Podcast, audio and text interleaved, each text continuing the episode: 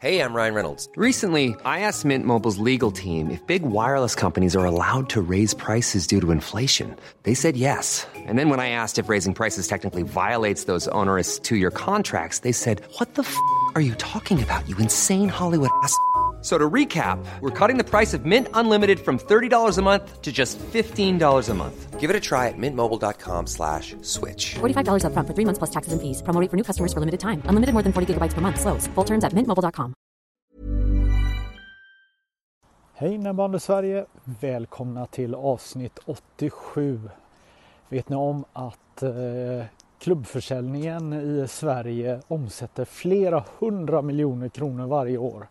Och eh, nu finns det ett nytt märke som är, en riktig uppstickare. Vi har pratat med VDn eh, och jag tänker att vi släpper in Harald och eh, det här avsnittet nu. Nu kör vi!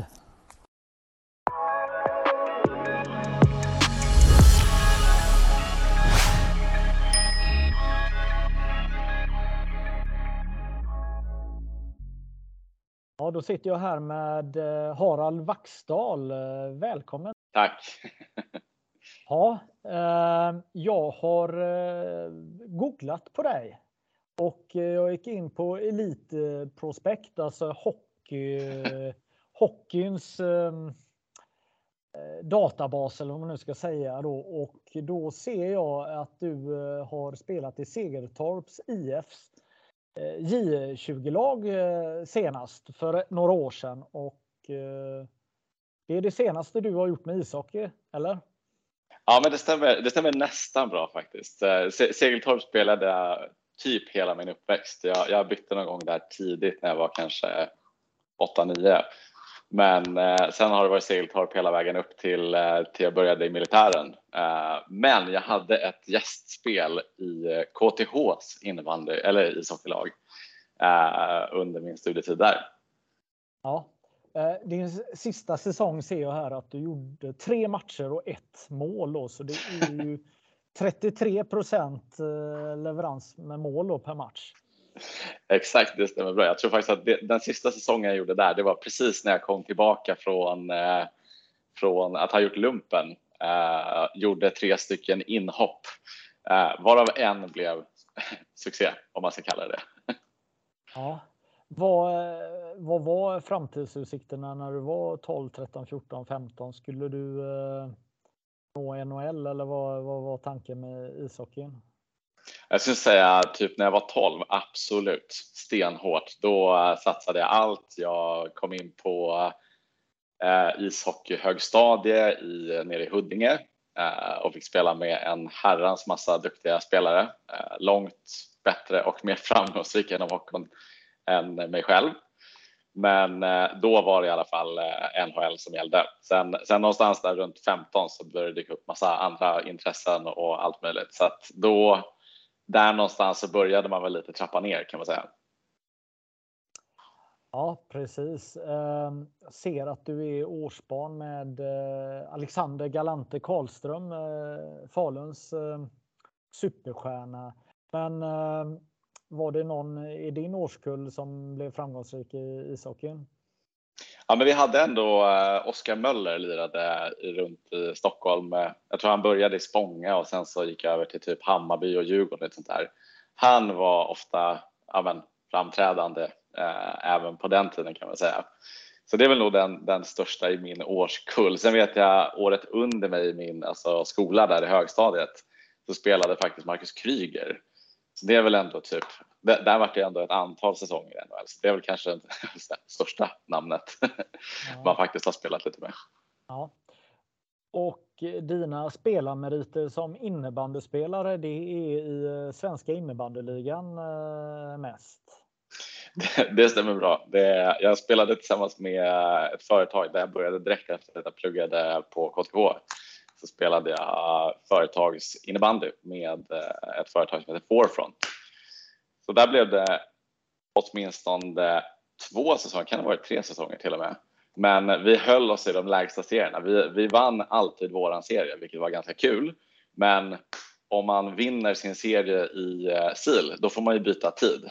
och vi hade bara en massa småbarnsföräldrar som inte ville ta sig från klockan åtta till typ 12 tiden.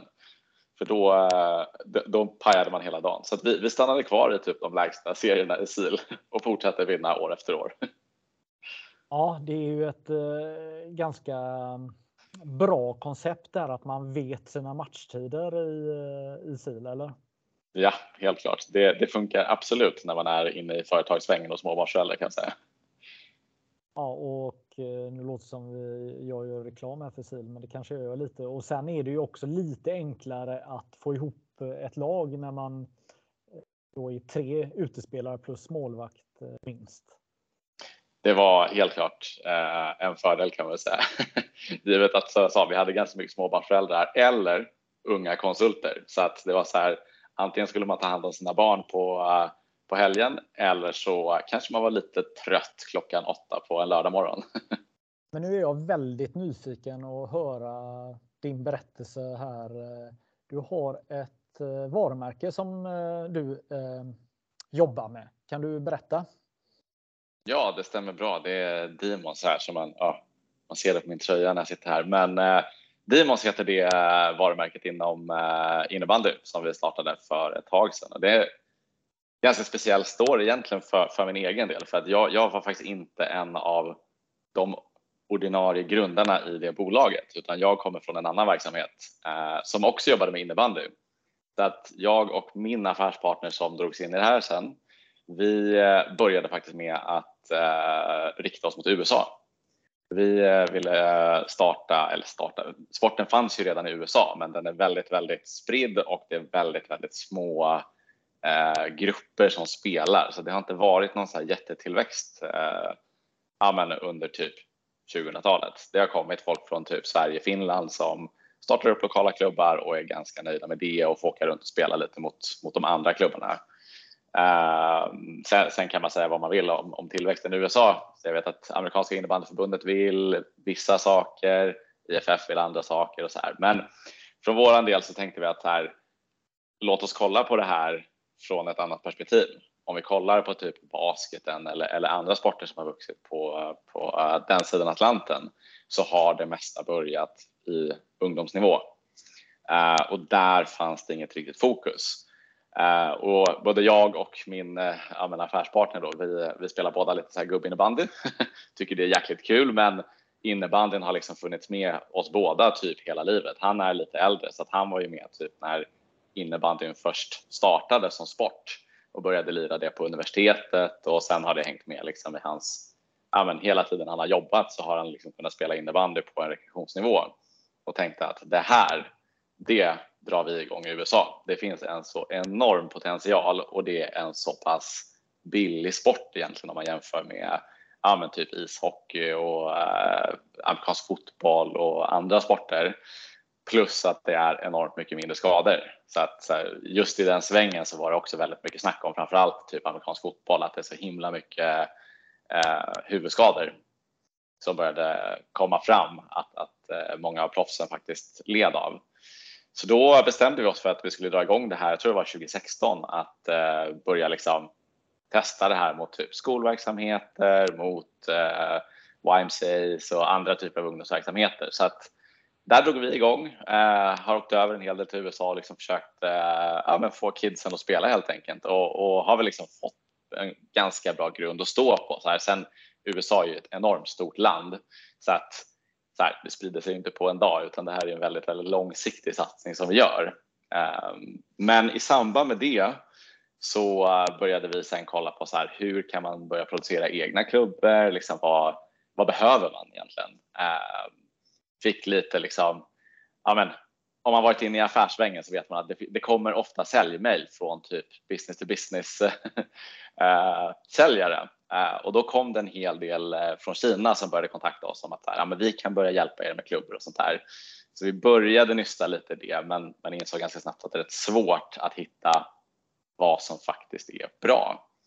Men då hittade vi av en ren slump, vi var faktiskt ute hos Nordic Floorball eh, och snackade lite med dem av, av någon anledning, jag kommer inte ihåg varför. Men, men då såg vi att det fanns ett brand som vi faktiskt inte kände till. Alltså, vi har ju liksom alla de stora brandsen, men så hängde det ett par Demonsklubbor eh, och frågade Lunkan nere på Nordic, så här, vad är det här? Eh, och då sa han det, så här, Nej, men det här är ett nystartat brand. Liksom. De har hållit på i typ, om det var ett eller två år eh, med att bara produktutveckla. Så att de kör ut sina tester här hos oss och så liksom, nu är det egentligen första gången de har släppts i butik. Så vi eh, ringde upp de två grundarna av Demons och eh, på den vägen är det. Efter det så slog vi ihop bolagen och insåg att vi har ganska mycket där vi kan jobba gemensamt med. Eh, så att då slog vi ihop och bildade ja, men, egentligen slog vi ihop de två brandsen så har vi ett annat moderbolag som faktiskt heter Churchville AB eftersom att de andra två grundarna bor i Täby kyrkby. Ja, just det. Um, om man håller sig kvar med att promota sporten och eh, i ett annat land då som, som USA. Jag har ju genom åren eh, pratat jättemånga gånger med eh, Unihocs grundare Karl-Åke Ahlqvist som lanserade sporten i Sverige och inte minst internationellt. Han var väl bland A lot can happen in the next three years. Like a chatbot may be your new best friend. But what won't change? Needing health insurance. United Healthcare Tri Term Medical Plans are available for these changing times Underwritten by Golden Rule Insurance Company, they offer budget-friendly, flexible coverage for people who are in between jobs or missed open enrollment. The plans last nearly three years in some states, with access to a nationwide network of doctors and hospitals. So for whatever tomorrow brings, United Healthcare Tri-Term Medical Plans may be for you. Learn more at uh1.com. When you're ready to pop the question, the last thing you want to do is second-guess the ring. At Bluenile.com, you can design a one-of-a-kind ring with the ease and convenience of shopping online. Choose your diamond and setting. When you find the one, you'll get it delivered right to your door. Go to Bluenile.com and use promo code LISTEN to get $50 off your purchase of $500 or more. That's code LISTEN at Bluenile.com for $50 off your purchase. Bluenile.com code LISTEN. 50, 60, 70 gånger i Japan eh, under eh, sina aktiva år och han, han eh, hade ju alltid ett självförtroende för han visste ju varje gång han lämnade över klubbor och bollar så visste han att alla skulle tycka att det var kul. Är det också någonting som ni kan se? Alltså det är, en tuff uppgift att, att övertyga folk men det är ju så förbaskat roligt det här med klubba och boll, puck eller vad man nu har, eller hur? Mm. Ja, men jag, jag, skulle verkligen säga det. Alltså, de gånger vi varit ut, över i USA, alltså, det är helt fantastiskt att se hur kul kidsen tycker att det är. Uh, och ja, men egentligen ska man säga både på kids och typ idrottslärare. Alltså, alla de tycker att det är en fruktansvärt bra sport för att så här, vi ser det väldigt mycket att det engagerar både tjejer och killar till ganska lika grad och vi vet borta i USA så spelar de ganska mycket typ street hockey, sport som inga tjejer tycker om. Uh, ganska snabbt får man de kommentarerna från idrottslärare att så här, nej, men det, är, liksom, det här slår street hockey liksom hundra gånger om för att nu får jag in tjejerna i den här klubbsporten och det är superkul. Och liksom, vi har haft exempel där vi har varit nere och spelat och kidsen bara står där och bara ber om att vi ska komma tillbaks dagen efter och hela den biten. Så att så här, det, det, finns ändå de gånger vi kommer ut och verkligen demar det här för våra kunder, alltså då, då vet man nästan direkt att så här, okay, men vi, vi har en lifelong relation till den här som kommer fortsätta spela innebandy. Så att det är superkul att se den, den uh, tendensen hos, ja. hos uh, människor vi möter. Exakt, och jag tänker i Nordamerika där så har man ju också lite hum om hur man kanske ska hålla en klubba. För Eh, samma Karl-Åke som jag pratade om precis innan här, han, han berättar ju om att i, i, vissa delar av världen så har man ingen Alltså man förstår inte ens hur man ska hålla i en klubba för att eh, man håller den som när man städar eller någonting medans jag tänker ändå eh, precis som du säger här att, att eh, man har sett ishockey, man, man spelar landhockey och, och de här bitarna. Och då kommer ju innebandyklubban in eh, ganska bra jag skulle, jag skulle typ säga att det är så lite blandat för man, man stöter på väldigt olika. För så här, ja, men, USA är ett ganska splittrat land som de flesta kanske vet om här. Men eh, så att så här, du möter absolut den typen som verkligen så här, ja, men, har spelat typ landhockey eller ishockey eller i alla fall kollar på ishockey. Men sen har du liksom en helt annan del av befolkningen som är så här, basket i mitt liv, det är det jag håller på med. De är, de är faktiskt lite som att komma tillbaka och kolla på folk som står här med en sopkvast ja. Tills man väl har lärt dem vad de ska hålla på med. Ja. Vad lär man sig, tänker du, att, att vara eh, exempelvis i USA och, och berätta om den här svenska sporten? Alltså vad, vad lär man sig om sporten och vad, vad lär man sig egentligen om, om allt? alltså jag skulle typ säga så här, ja, men jag, jag, skulle verkligen säga så här, sporten i sig, man lär sig hur så de, dels så här, hur, hur, mycket glädje sporten skapar, uh, men också hur pass enkel den är att ta till sig. Att det är så här, jämför du med ja, men jag som är hockeyspelare, liksom. du har så många olika moment som du måste passera innan du kan liksom, räkna att du är bra på hockey eller att du ens kanske tycker att det är kul. Uh, liksom, skridskoåkningen är ju ett ganska obvious liksom, sånt hinder som, så många inte tar sig över. Uh, men jag menar innebandy, då är det så här, stoppa en innebandyklubb och en boll i handen och springer runt med en boll i en timme. Ja, men då förstår du i alla fall alltså, grundläggande konceptet. Så att så här, det är ju ändå den som, som man ändå kanske har tagit med sig när man varit där, att det är ju en så fruktansvärt enkel och lättillgänglig sport. Och det är liksom, du behöver inte gå ut och spendera 10 000 spänn för att köpa nya skydd och så vidare. Så här, du behöver en klubba och en boll, that's it. Ska du spela ja, här i Sverige så måste vi ha glajjor också men, eh, och kanske ett par skor. Men jag menar typ i USA så har vi spelat en hel del ute på asfalt och den biten. Så jag menar kids kommer dit i sina vanliga liksom, kläder som de har på skolgympan och så spelar vi. Ehm, så att en, en enorm glädje och en, en, eh, enkelhet i sporten skulle jag nästan säga ehm, är väl det man framförallt har tagit med sig borta från, från USA. Mm. Och eh, de tyngsta argumenten då det är det här att eh, båda könen och att det är ganska säker sport. Det är det som är ingångarna. Jag vet i Kanada så har man ju en tanke på att det ska vara ett komplement till ishockey, alltså någonting man kan göra på sommaren. Alltså, eh, hur, hur vilka tycker du är de eh, ledande argumenten för innebanden i exempelvis USA? Alltså jag skulle verkligen säga att typ lättillgängligheten, alltså prisbilden och att det är, så här, det är så enkelt att komma igång med det och liksom uppskattas av typ alla. De skulle nog säga de främsta. Sen är det klart att så här, beroende på vem man pratar eh, så är det så här, behöver man pitcha det som ett komplement till hockeyn för att det är en hockeyälskare, ja men då kanske man vänder argumenten. Men jag skulle ändå säga det att så här, för många av dem vi pratar med så är liksom budgetar ett, ett jätteproblem. Alltså det, det såg vi inte, min, inte minst under corona. Då kapades ju typ all budget som hade med idrottslektion att göra och då var det helt plötsligt supersvårt att köpa någon form av utrustning och ja, sen hade det såklart andra problem också. Men, men eh, det här med att liksom en innebandyklubba inte behöver vara så himla dyr. Du behöver liksom inte lägga så himla mycket pengar för att ha liksom tillräckligt med utrustning för att kunna spela med en hel skolklass. Det är liksom, alltså för oss har kanske det varit en av de liksom större eh, påverkan liksom för de som köper vår utrustning att, att faktiskt gå över till innebandy för att just det är så pass billigt och det är så kul. Och hur eh, ska klubbor eh, säljas och köpas, höll jag på att säga, i USA? På 70 80-talet i Sverige så såldes det till skolor, till eh, arbetsplatser i de här eh, klassiska sjupacken, tiopacken och några bollar i.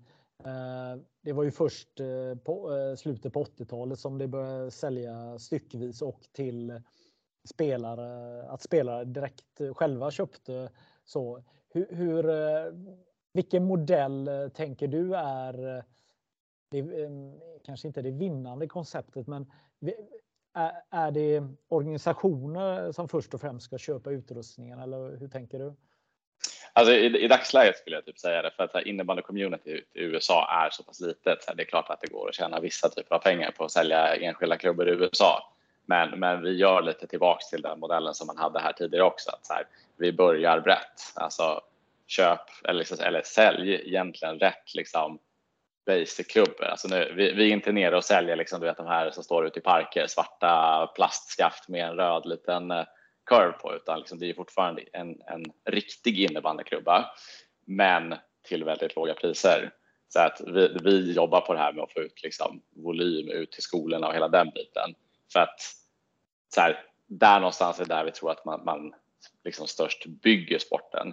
Sen såklart, eh, om, om man tittar på det från ett affärsperspektiv så är det så här, när du går över och börjar sälja individuella klubbor, det är där du kommer tjäna marginaler. Så att så här, det blir ett marginalcase om vi tittar utifrån företagsperspektiv när du har kommit till situationen där du kan sälja individuella stickor. Men där i USA skulle jag säga att marknaden inte riktigt är än i dagsläget. Nej. Eh, och tittar man på ehm, klubbmarknaden i Sverige så är det ju, det är jättespännande när en ny aktör vill vara med och eh, utmana. Eh, och den har ju förändrats och förändras ständigt. Eh, eh, för eh, 20 år sedan så fanns det ju massa olika företag som sålde klubbor och märken och, några har försvunnit. Och ja, det kommer ju ständigt nya aktörer. Vi har ju en målvaktstillverkare som har eh, kommit från ingenstans, från eh, Lettland och nu är marknadsledande när det gäller målvaktskläder och eh, vi har även klubbföretag som har tagit sig från 0 till 100 håller jag på att säga och marknaden är ju inte klar, eller? Ja, men verkligen. Jag, jag tror att om, om, vi tittar på det just nu utifrån eh, liksom, hur världen ser ut kontra hur den har gjort de senaste 20 åren. Alltså dels så kommer vi från en, en eh, alltså period med två år av en pandemi när man inte får göra vissa saker. Eh, liksom, just nu sitter vi också i enorma utmaningar med eh, alltså stigande elpriser, vi har eh, inflation, vi har höga räntor och så vidare och så vidare. Jag menar så här, landskapet som alla de här bolagen har jobbat i de senaste tio åren har ju helt plötsligt bara tvärvänt. Eh, det är mycket dyrare med typ shipping för oss som, som eh, bolag, få, få hem grejerna från Kina. Eh, det är liksom dyrare med elkostnader för att hålla lager och massa sånt som kommer påverka oss. Men vi har också typ ett helt annat köpbeteende som, som kanske framförallt vi såg under corona trycktes på där man mer och mer trycktes in i liksom e-handeln. Sen vet jag just nu att det pratas väldigt mycket om att e-handeln är på väg ner lite från sina coronanivåer. Men vi är fortfarande i ett, ett läge där enormt många har vant sig vid att det är så här man kan köpa prylar. Och det är väl där lite så här för våran del att, att jag tror att vi har vår fördel att så här, vi startade eh, liksom strax innan corona och sen så när väl corona kom så beslutade vi oss att så här, men, låt oss strunta i butiksförsäljningen. Vi satsar på uh, alltså försäljning i egna kanaler. Sen får man väl se om man själv alltså, blir vi tillräckligt stora kanske man kan göra som uh, Jimmy Eyewear och öppna en butik på Kungsgatan i Stockholm typ uh, eller, eller liknande. Men, men uh, just nu så fokuserar vi verkligen på att trycka ut egna kanaler och göra det lättillgängligt digitalt och att hitta modeller för att kunden ska känna sig lika bekväm med att ta hem en klubba från nätet som de gör med att gå in i butik och testa den där. Uh, jag, jag, brukar ofta säga det att så här, om vi ser det ur vårat perspektiv, uh, alltså går du ner till en butik och så ska du ställa dig och skjuta lite, det enda du testar är ju faktiskt typ, kan jag skjuta bra med klubban? Uh, många fall när det gäller typ kids, deras grej är typ, kan jag få upp bollen i krysset? Typ ja, ja men fan vilken bra klubba och så går jag hem med den. Inte så mycket mer än det och sen så kanske de blir sjukt besvikna när de väl kommer till match och ser att det här kan inte passa med klubban. eh, där tycker jag ändå att vi har hittat en bra modell liksom, med, att, med att man får ta hem och testa grejerna. Liksom. Och, och jag menar, kan du testa den hemma i två veckor på, på träning kontra att skjuta fem gånger i butik så skulle väl jag säga att du, du kan känna värdet av klubban ännu mer än vad du kan göra i butik. Men eh, så jag, jag tror att vi, vi, står väldigt liksom, i en väldigt intressant tid just nu där jag tror att många bolag behöver tänka om eh, även på innebandymarknaden. Ja, precis. För, för det du säger då, det är att eh, ert märke finns eh, bara ute på, på nätet och ni erbjuder två veckors eh, att man kan prova eh, klubben. Kan du förklara vad, vad menas med det? Nej men exakt, alltså så här, vi, vi, finns ju bara online igen. Eller så här, vi har eh, Nordic Floorball. Vi startade, när vi startade upp Demon som brand eller när mina två affärspartner gjorde det 2018. Då har vi liksom jobbat tillsammans med Nordic Floorball för att liksom komma ut, testa marknaden. När vi gör nya grejer så testar vi ofta det liksom i, samband med, med, eller i samarbete med Nordic Floorball. Eh, men majoriteten av vår liksom försäljning driver vi via vår egen hemsida. Men det, när vi tog det beslutet att så här, nej, nu ska inte vi gå efter typ Intersport och Stadium och liksom trycka volym ut så på det sättet, utan så här, vi ska trycka volymen till oss. Vi vill ju äga vår egen kund. Eh, så var ju en av liksom de största frågorna som vi själva hade, bara så här, hur ska vi få någon att bara komma till hemsidan och köpa en produkt från ett märke man aldrig någonsin hört talas om om du inte får testa den. uh, så att där var liksom så här, det, det satt vi och snackade om enormt mycket i början innan vi verkligen tryckte på knappen och så sa vi det att nej men om vi gör så att liksom en kund faktiskt får köpa den, ta hem den, testa den egentligen hur mycket de vill, inte bara liksom syna den utan bara spela med den på match och så vidare. Liksom. Då kommer man ju faktiskt våga ta steget. När man, alltså, för, förstår du att du får göra det, då kommer du till slut våga ta det steget. Jag menar, vi har ju betaltjänster som typ Klarna Pay Later. Då behöver du inte ens ligga ute med en enda spänn för att göra det här testet. Uh, så att vi, vi valde helt enkelt den vägen att gå och jag menar, det är väl kanske den modellen som vi haft svårast att förklara för våra kunder att säga, men det är lugnt. Det är bara att liksom kör hur mycket du vill. Det enda som vi har lite liksom restriktioner på det, det är liksom att du kanske inte ska såga av din 100 till en 98 för då, då är det svårt att göra någonting annat med den efter. Ja, men eh, ja. Men vad du säger är att med eh, eran sticka så kan man, eh, man kan sätta den i krysset? Helt klart. Ja, var, ja, och, och om man skulle vilja känna på den så är det i den butiken som, var ligger den i Stockholm? Var någonstans? Ja, den ligger uppe i Täby i Stockholm så att det är där man faktiskt kan åka. Men, men som jag sa, så här, vi, vi kör leveranser med, med DHL så att så här, beställer man en sticka så har man den oftast inom två, tre dagar. Så att det, det är inte något långt man behöver vänta från att man har beställt till att man får testa. Nej. Men om man är en ung lovande spelare som är skitduktig och är sugen på ert märke och är nyfiken och sen, vad, kan man kontakta er och, på något sätt eller hur? Alltså jag skulle säga att så här, vi, vi har varit ganska restriktiva om, om, om vi tänker in liksom en sponsmodell och sånt här. Vi, vi vet lite att våra, våra konkurrenter, de, eller i alla fall en del har varit ganska givmilda i det här så att vi märker ganska mycket effekterna av att man har varit det.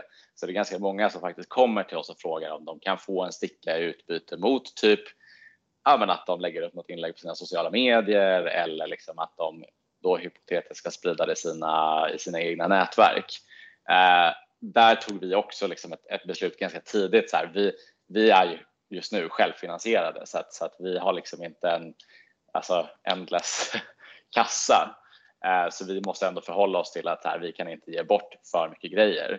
Men sen ser vi också på det lite mer att så här, för våran del så måste vi hitta partnerskap som de facto ger någonting tillbaka. Så här, det är ganska mycket kills just nu som hör av sig och liksom vill ha en gratis sticka mot att de kanske lägger upp ett inlägg och så går man in och kollar på deras Instagram och så har de två, två bilder på ett stängt konto med 100 följare. Att där är det svårt att känna att man får ett utbyte av dem. Mm. Så att vi har istället valt att fokusera på väldigt, liksom så här, väldigt, väldigt selektiv och var, liksom valt ut x antal spelare som är så här, de här är så de som vi faktiskt jobbar tillsammans med och det är de enda spelarna som vi jobbar med spons kring. Uh, så att vi har valt en liten annan väg istället för att ge bort saker. Uh, så har vi istället valt att så här, ja, men, så här, du kan få en rabattkod istället, men vi kommer tyvärr inte ge bort saker uh, och de flesta köper det. Alltså, vi hade en dialog med en, en liksom, som faktiskt ville ha spons där, där vi faktiskt frågade sig, men, men vad kommer det sig ifrån att, att liksom, du ställer den här frågan? För att vi, vi var helt oberedda på att det skulle komma den här volymen av frågor. Eh, men då, hans enkla svar bara, äh, men jag bryter av typ två, tre klubbor om, om säsongen så jag börjar skämmas lite för att gå hem till mamma och pappa och fråga om att få en ny klubba. Så att jag tänkte det är väl värt att testa. Ja. Nej, men så, så är det. Eh, jag menar genom åren eh, har ju folk frågat oss också eh, till höger och vänster om olika saker och allt från eh, stripa bilar till eh, vad det nu kan vara. Så att, men samtidigt drivet ska ju unga ha givetvis och man ska ju våga fråga och så. Jag tänker, ni är ju en uppstickare så det är ju lite spännande med ert varumärke. Var, var kommer namnet ifrån? Var,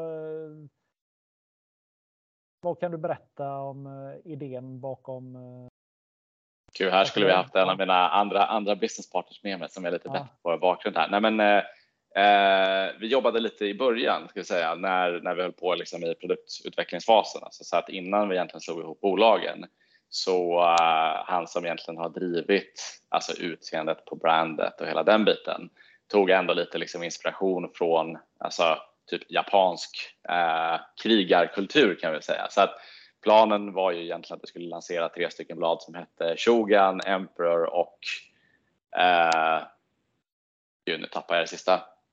Eh, ja, vi, vi skiter i vad det tredje bladet skulle heta. Det kommer inte heta det i alla fall. Eh, men sen heter även vår första klubba Enso som är egentligen liksom en, en, en, en visualisering. Man, egentligen handlar det om att typ man ritar en cirkel, men alltså den här cirkeln kan aldrig någonsin bli perfekt utan det handlar alltid om att förbättras. Och lite där kommer liksom tanken att så här, det handlar alltid om att förfina saker. Och sen inte bara så här, det är inte bara på våran sida man förfinar, man kan använda vår utrustning för att förfina liksom, sitt eget spel. Så det är ett lite så här samspel mellan oss och, oss och spelaren. Eh, så där har vi väl lite det liksom Demons tanken bakom det. Ja. Ehm, en gång för länge, länge sedan, eh, nu ska vi se, eh, det är ju faktiskt redan 1998 så var det ju en, en finsk herre som hörde av sig till mig och han eh, ville marknadsföra sig hos innebandymagasinet och han var jättebestämd. Ja, på den tiden gjorde vi ju tidning enbart och ja, jag vill ha ja, nu var det med finlandssvensk brytning då. Han ville ha baksidorna och, och han ehm, eh, låg på väldigt hårt och, och, och sådär. Och, eh, och sa att han skulle få en klubb att spela med, med sina klubbor och då var det Haninge och det här märket hette ju Fatpipe och det var ju ingen som visste någonting om det här. Men han, de träffar ju rätt och eh, Haninge blev ju svenska mästare första säsongen som, eh, som eh, de spelade med, med hans klubbor här. Och, eh, ni har väl eh, fått er första spelare eh, på SSL-nivå som spelar eh, med er klubba? Ja, men det stämmer bra. Vi signade här inför säsongen så signade vi Liam och eh, Liam Åström då i AIK.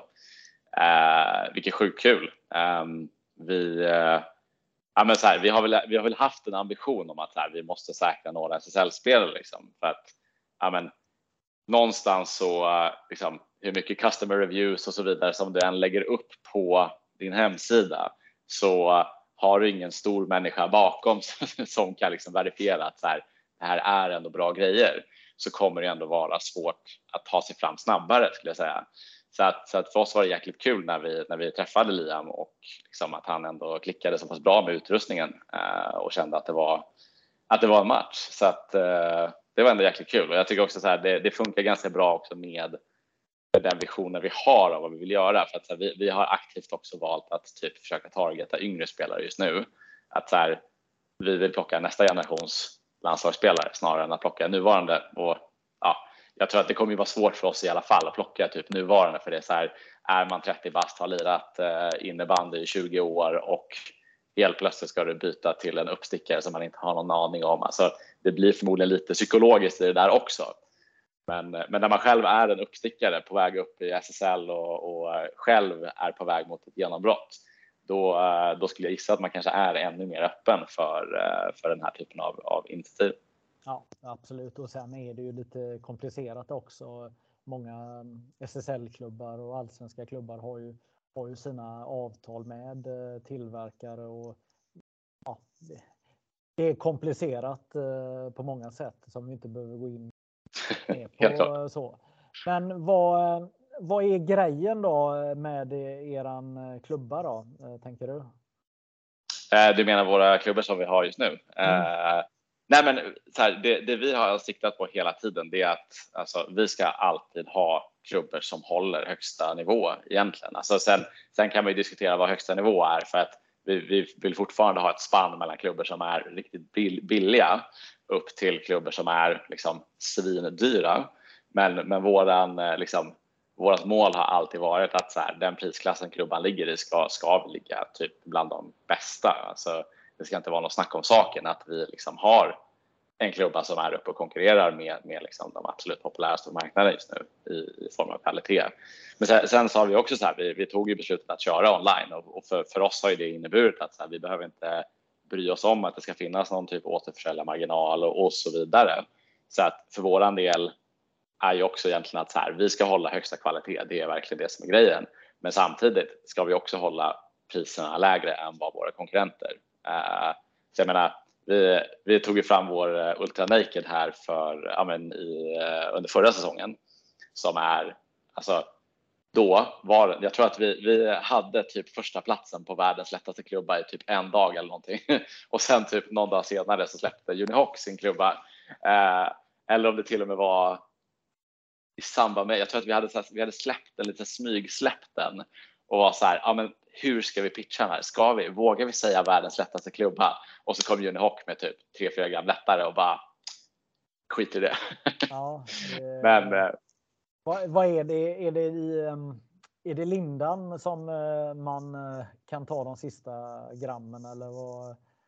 Nej, det är, det är lite både, både och ska jag säga. För det är så här, det, dels har vi gjort det på lindan, så vi har plockat några sista gram på lindan, men sen har du skaftet där du kan göra ganska mycket också för att eh, det, det, vi gör egentligen att använda typ ett, ett ännu högre eller en, en, eh, ett kolfiber av en högre kvalitet eh, som är mycket tåligare som, då, som man då kan typ eh, forma så att, den, så att man inte behöver använda lika mycket material egentligen.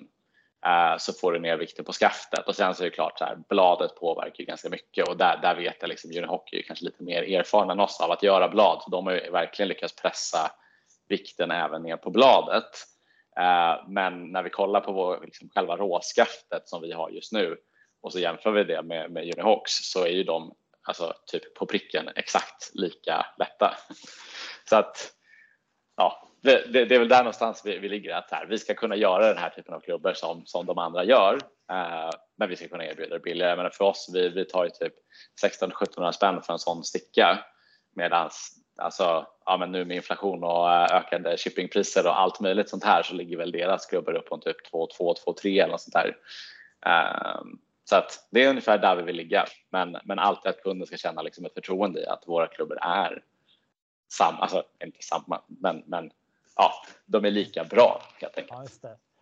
Uh, och utmaningen då, det är att få eh, ett tåligt skaft. För det är ju så här att internationella innebandyförbundet tillsammans med SP tror jag det är. Eh, de testar ju alla klubbor så att de ska ju tåla en viss typ av våld, eller hur? Mm.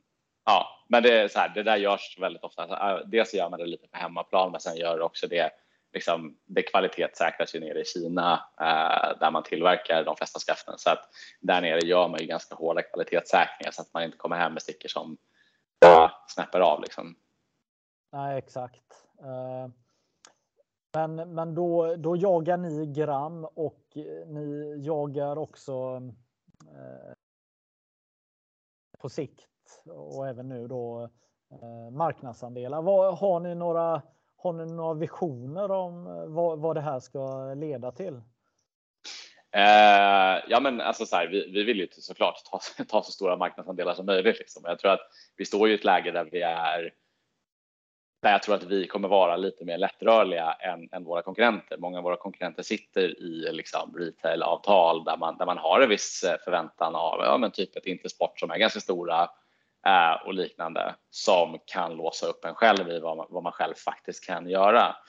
Eh, så att så här, vi har en lättrörlighet som jag tror kan vara en väldigt stor fördel. Så att för oss handlar det nu egentligen bara om att så här, växa vår digitala närvaro och fortsätta pusha liksom både organisk marknadsföring med betald marknadsföring till den gräns liksom som, som vi klarar av. Sen får vi se liksom, om vi klarar av att göra det på egen hand eller om vi, vi behöver plocka in externa pengar eller liksom vilken väg vi väljer att ta. Men, men målet är ju ändå att plocka så mycket av marknaden som möjligt kan vi säga. Och eh, vad är fokus? Är det fokus på Sverige eller är det andra länder? Är det USA? Vad, vad, vad är fokus?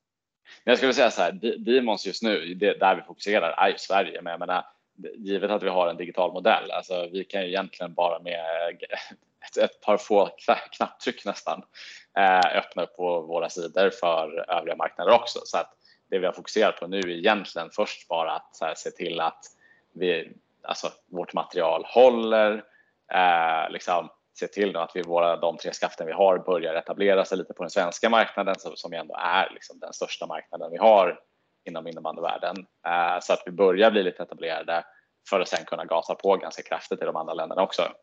Så, att, så att det är klart att snart kommer man, alltså man kan redan i dagsläget om man vill gå in och köpa vår hemsida, men allting är på svenska och så vidare så att det kan vara svårt för en finne till exempel att gå in och förstå vad det är vi säljer. Men, eh, men liksom, vår, vår plan är ju att det ska bli ett globalt brand eh, utan tvekan. Nej, men det är ju många som eh, välkomnar fler klubbmärken marknaden har ju förändrats som jag var inne på, men det är fortfarande relativt få eh, märken och alla vill ju inte spela med, med samma klubbor.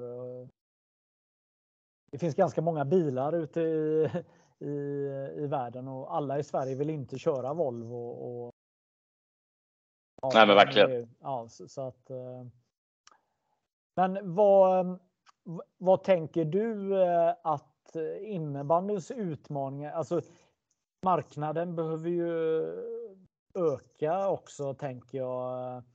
Eh, Svenska innebandyförbundet har ju de senaste tio åren pratat om att man vill nå 180 000 licensierade spelare och då måste man ju bli fler spelare. Det tänker jag också är viktigt för er att, att innebandyn växer i Sverige också, eller?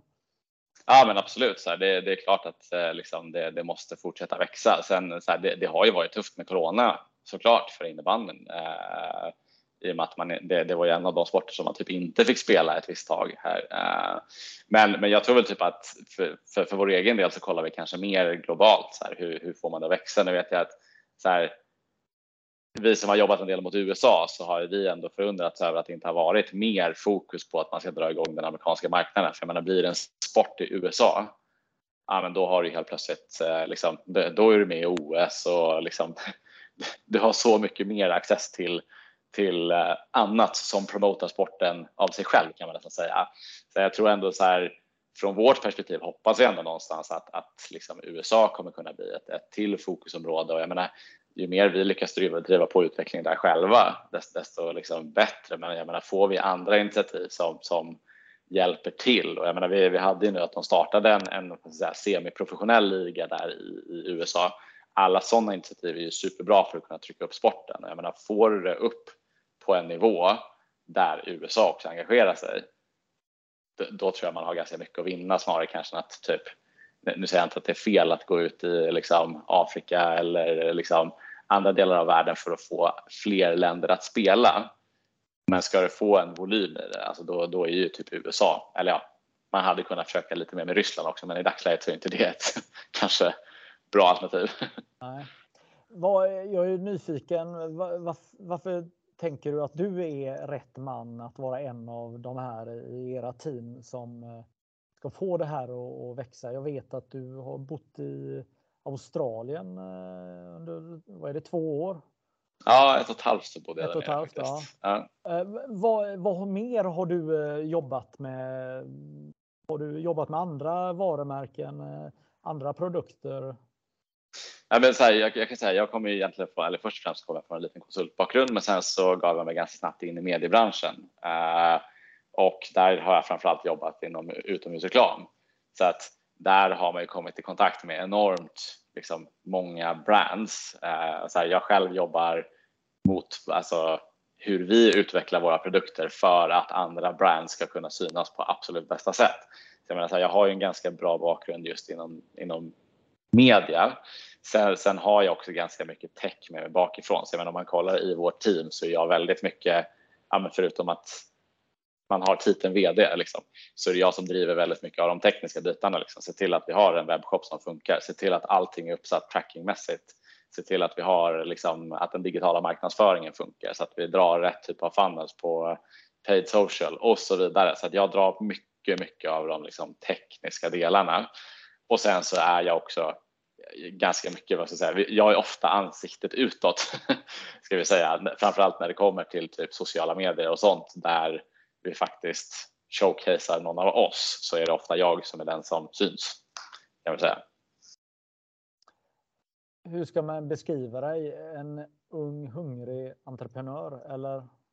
Ja, men det skulle jag faktiskt. Uh, ung, hungrig entreprenör som också är pappa till en tvåårig dotter som, som ibland går en på nerverna. Så ibland så, ibland så räcker dygnets alla, alla timmar inte till, men man gör sitt bästa som entreprenör. Vet du. Ja, och eh, utomhusreklam där, var, eh, var det att du sålde in reklam eller hur, hur, eh, hur tänker man i den världen? Kan du berätta någonting? Alltså där, där ska jag, säga, jag skulle säga så här, så drömmen för mig här på Demons är väl att vi någon gång ska komma upp till den storleken att vi faktiskt börjar köpa utomhusreklam kan vi säga. Men, men typ utomhusmarknaden är väldigt mycket. Det handlar enormt mycket om att bygga brands. Alltså, vi, vi brukar se oss ganska mycket som typ det sista räckviddsmediet. Du kan ju inte längre riktigt säga att typ, du når alla med TV. Alltså sure, du har vissa TV-program. Let's Dance på fyran kanske på en fredagkväll. Ja, men då når du ganska stora delar av Sverige. Men men utöver det så är det väldigt svårt att faktiskt få ut budskap som du vill ha brett. Där funkar liksom uthusmediet enormt bra. Men, men jag menar, så här, investeringarna vi pratar om där kontra liksom de modellerna vi jobbar på när vi kör paid social på Facebook så är liksom beloppen du behöver betala ja. ganska mycket större. Ja.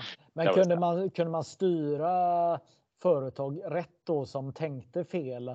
att ja, men nej, ni ska inte vara på utomhusreklam för att eh, folk måste veta vad ni är först eh, innan eller? Jag skulle, jag skulle nog säga så här, att det, det, någonstans så blir det oftast typ en budgetfråga för att egentligen skulle jag säga hade jag haft kapitalet i dagsläget så hade jag typ gått och köpt utomhusreklam. uh, jag kommer ihåg att jag, jag lyssnade på en podd där eh, Lykos grundare var med och han sa det att så här, när han hade kommit upp till den nivån där han faktiskt liksom la sin första utomhuskampanj. Det var liksom ett väldigt, väldigt stort steg för honom. Sen så var det också så här, då tömde han typ hela sin kassa för att trycka på med en utomhuskampanj.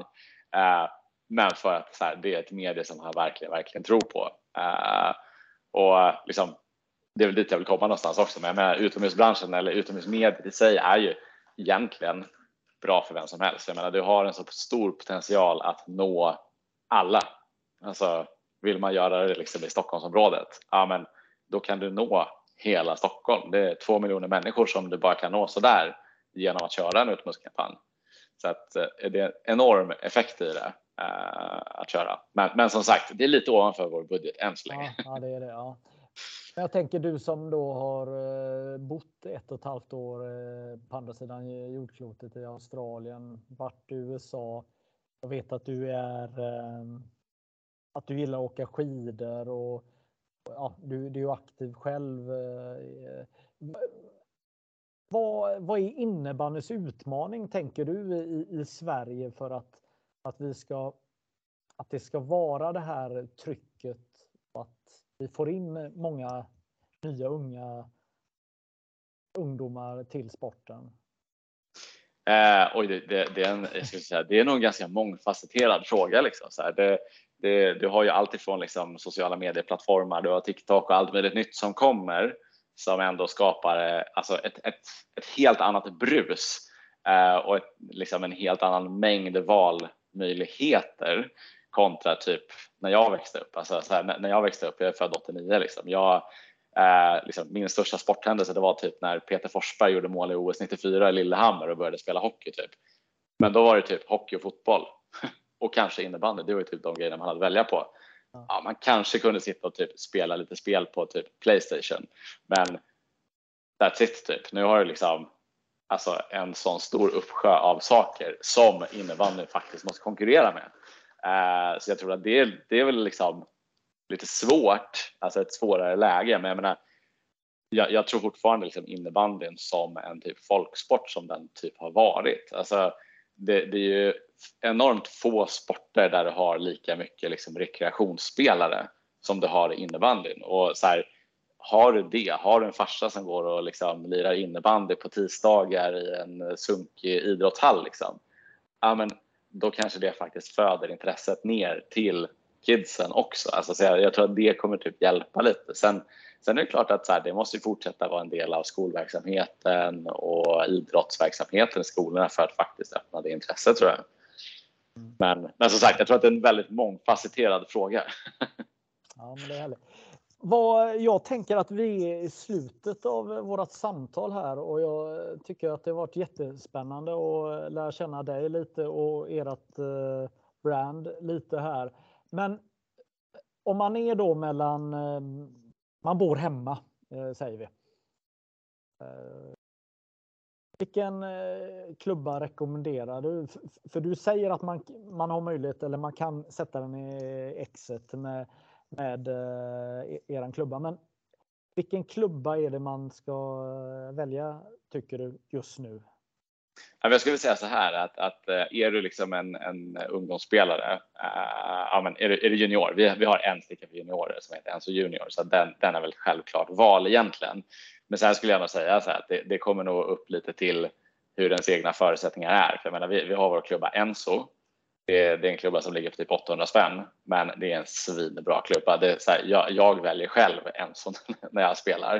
Eh, sen har vi Ultran som liksom ligger en klass över egentligen. Eh, där har du en klubba som eh, har egentligen här, lite mer elasticitet i klubban så att så här, svikten i stickan är typ lite bättre så att den svungar tillbaks lite kan man nästan säga så att du, så att du får nästan lite hö, alltså snabbare skott när du använder den.